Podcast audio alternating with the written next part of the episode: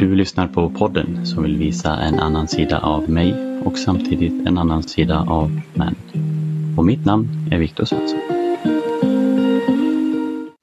Hallå, hej och god dag och välkommen till ett nytt avsnitt av Another Side of Me. Idag ska vi prata om ett ämne som står mig väldigt varmt om hjärtat, nämligen bekvämlighet. Sen står ju sig alla ämnen jag tagit upp mig varmt om hjärtat, men ni förstår. Och jag tänker inte den här bekvämligheten där man är så bekväm med någon att man kan visa sin galna humor. Utan mer om den här bekvämligheten som gör att jag nästan har fastnat i livet, att jag står still.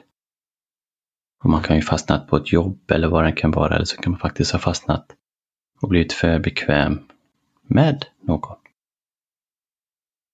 Men för min del så var det mitt dåvarande jobb. Jag hade jobbat inom Handels i 14 år. Och jag kan säga med säkerhet att de, sen, att de sista fem till sju åren så var jag alldeles för bekväm. Jag borde ha bytt för att utmana mig själv. Och jag har verkligen haft världens bästa kollegor. Jag vill inte skylla allt på dem. Att de var inte anledningen till att jag stannade utan det var för att jag var just för bekväm för att byta.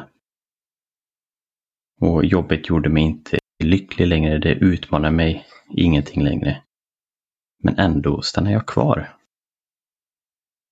Och jag minns att jag hade tankar som att Tänk om jag byter och jag inte trivs? Då är jag på ett helt nytt ställe med människor jag aldrig träffat och jag inte trivs. Men här är jag ju fortfarande bekväm. Och här vet jag också vad jag får och vad jag har. Just för att jag är bekväm här. Men så fort jag tog steget och bytte, så fort jag vågade, så tänkte jag varför väntar jag så jäkla länge på att göra det här? och så har det varit i många delar av mitt liv där jag faktiskt vågat gå utanför min comfort zone. Dock så vill jag inflika här att jag fick väldigt mycket hjälp av folk i min närhet som pushade mig till att byta, till att söka jobb. För de såg att jag inte var lycklig där jag var. Att jag nästan har stannat i livet. Och jag minns att jag hade en provintervju med min dåvarande flickvän. Och hon började fråga mig en massa normala frågor som att Men varför har just du sökt den här tjänsten Viktor? Vad kommer göra just dig bra för den här rollen? Och det låste sig verkligen direkt i huvudet på mig. Det var som att det var en sån lifeline man sett på tv så utan att något hoppade upp då. Men till mitt försvar så hade jag inte varit på en intervju på 10 år nästan, eller 14 år rättare sagt. Men till min fördel där, men inte till världen, så var det Corona. Så jag hade min första intervju digitalt. Och jag minns hur jag satte upp positiva citat på väggen bakom skärmen och hade typ skrivit upp allt jag har gjort bra för jag kommer inte ihåg någonting. Det var lite lättare då i alla fall. Och sen såg de inte hur mycket jag svettades. Men eh, det är bra. Ett bra filter bara, så funkar det. Men tillbaka till just bekväm. Man kan vara bekväm med så otroligt mycket saker. Man kan vara bekväm vart man bor, vilka man umgås med, sitt jobb då som är min del, sin partner, vart du handlar, vart du reser. Att du alltid äter tacos på fredagar.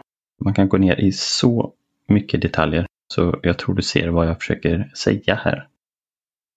Och i mitt fall vet jag att jag var bekväm och framförallt rädd för förändring. Och sen förstår jag att jag är väldigt privilegierad som ens kan tänka så att jag ens har ett val att kunna byta jobb. Men hur vet jag om jag har blivit för bekväm? I mitt fall så hade jag människor som sagt runt omkring mig som såg det och verkligen visade mig att jag inte var lycklig. Om man alltid kommer hem och klagar på någonting, som då i mitt fall mitt jobb, så borde jag egentligen insett att jag inte var så lycklig, men jag gjorde aldrig någonting åt det.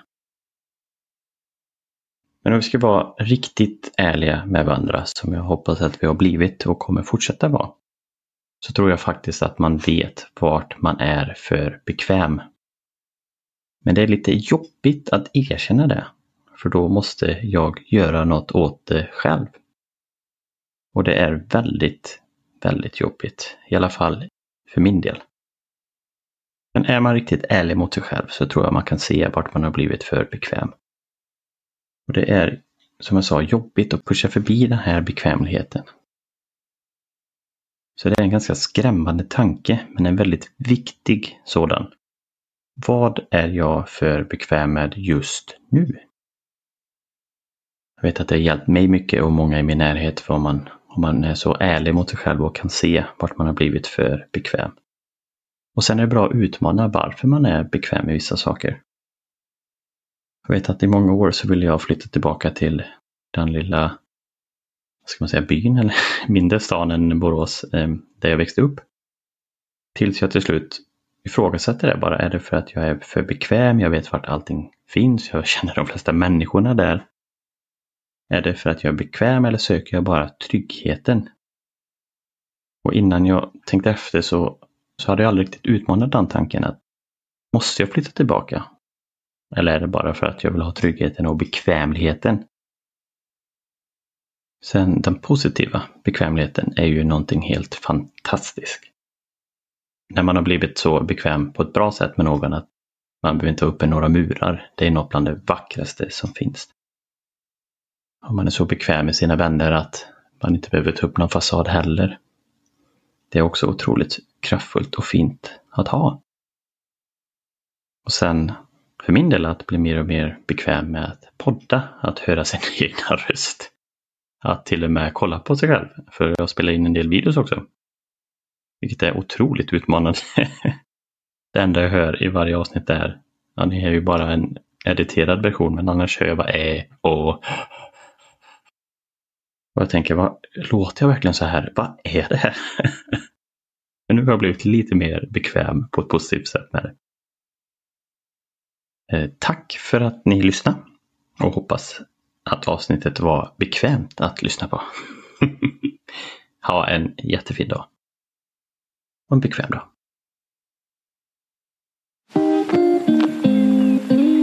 Jag ville bara säga tack för att ni lyssnar. Och glöm inte av att vara snälla mot er själva och vara snälla mot andra.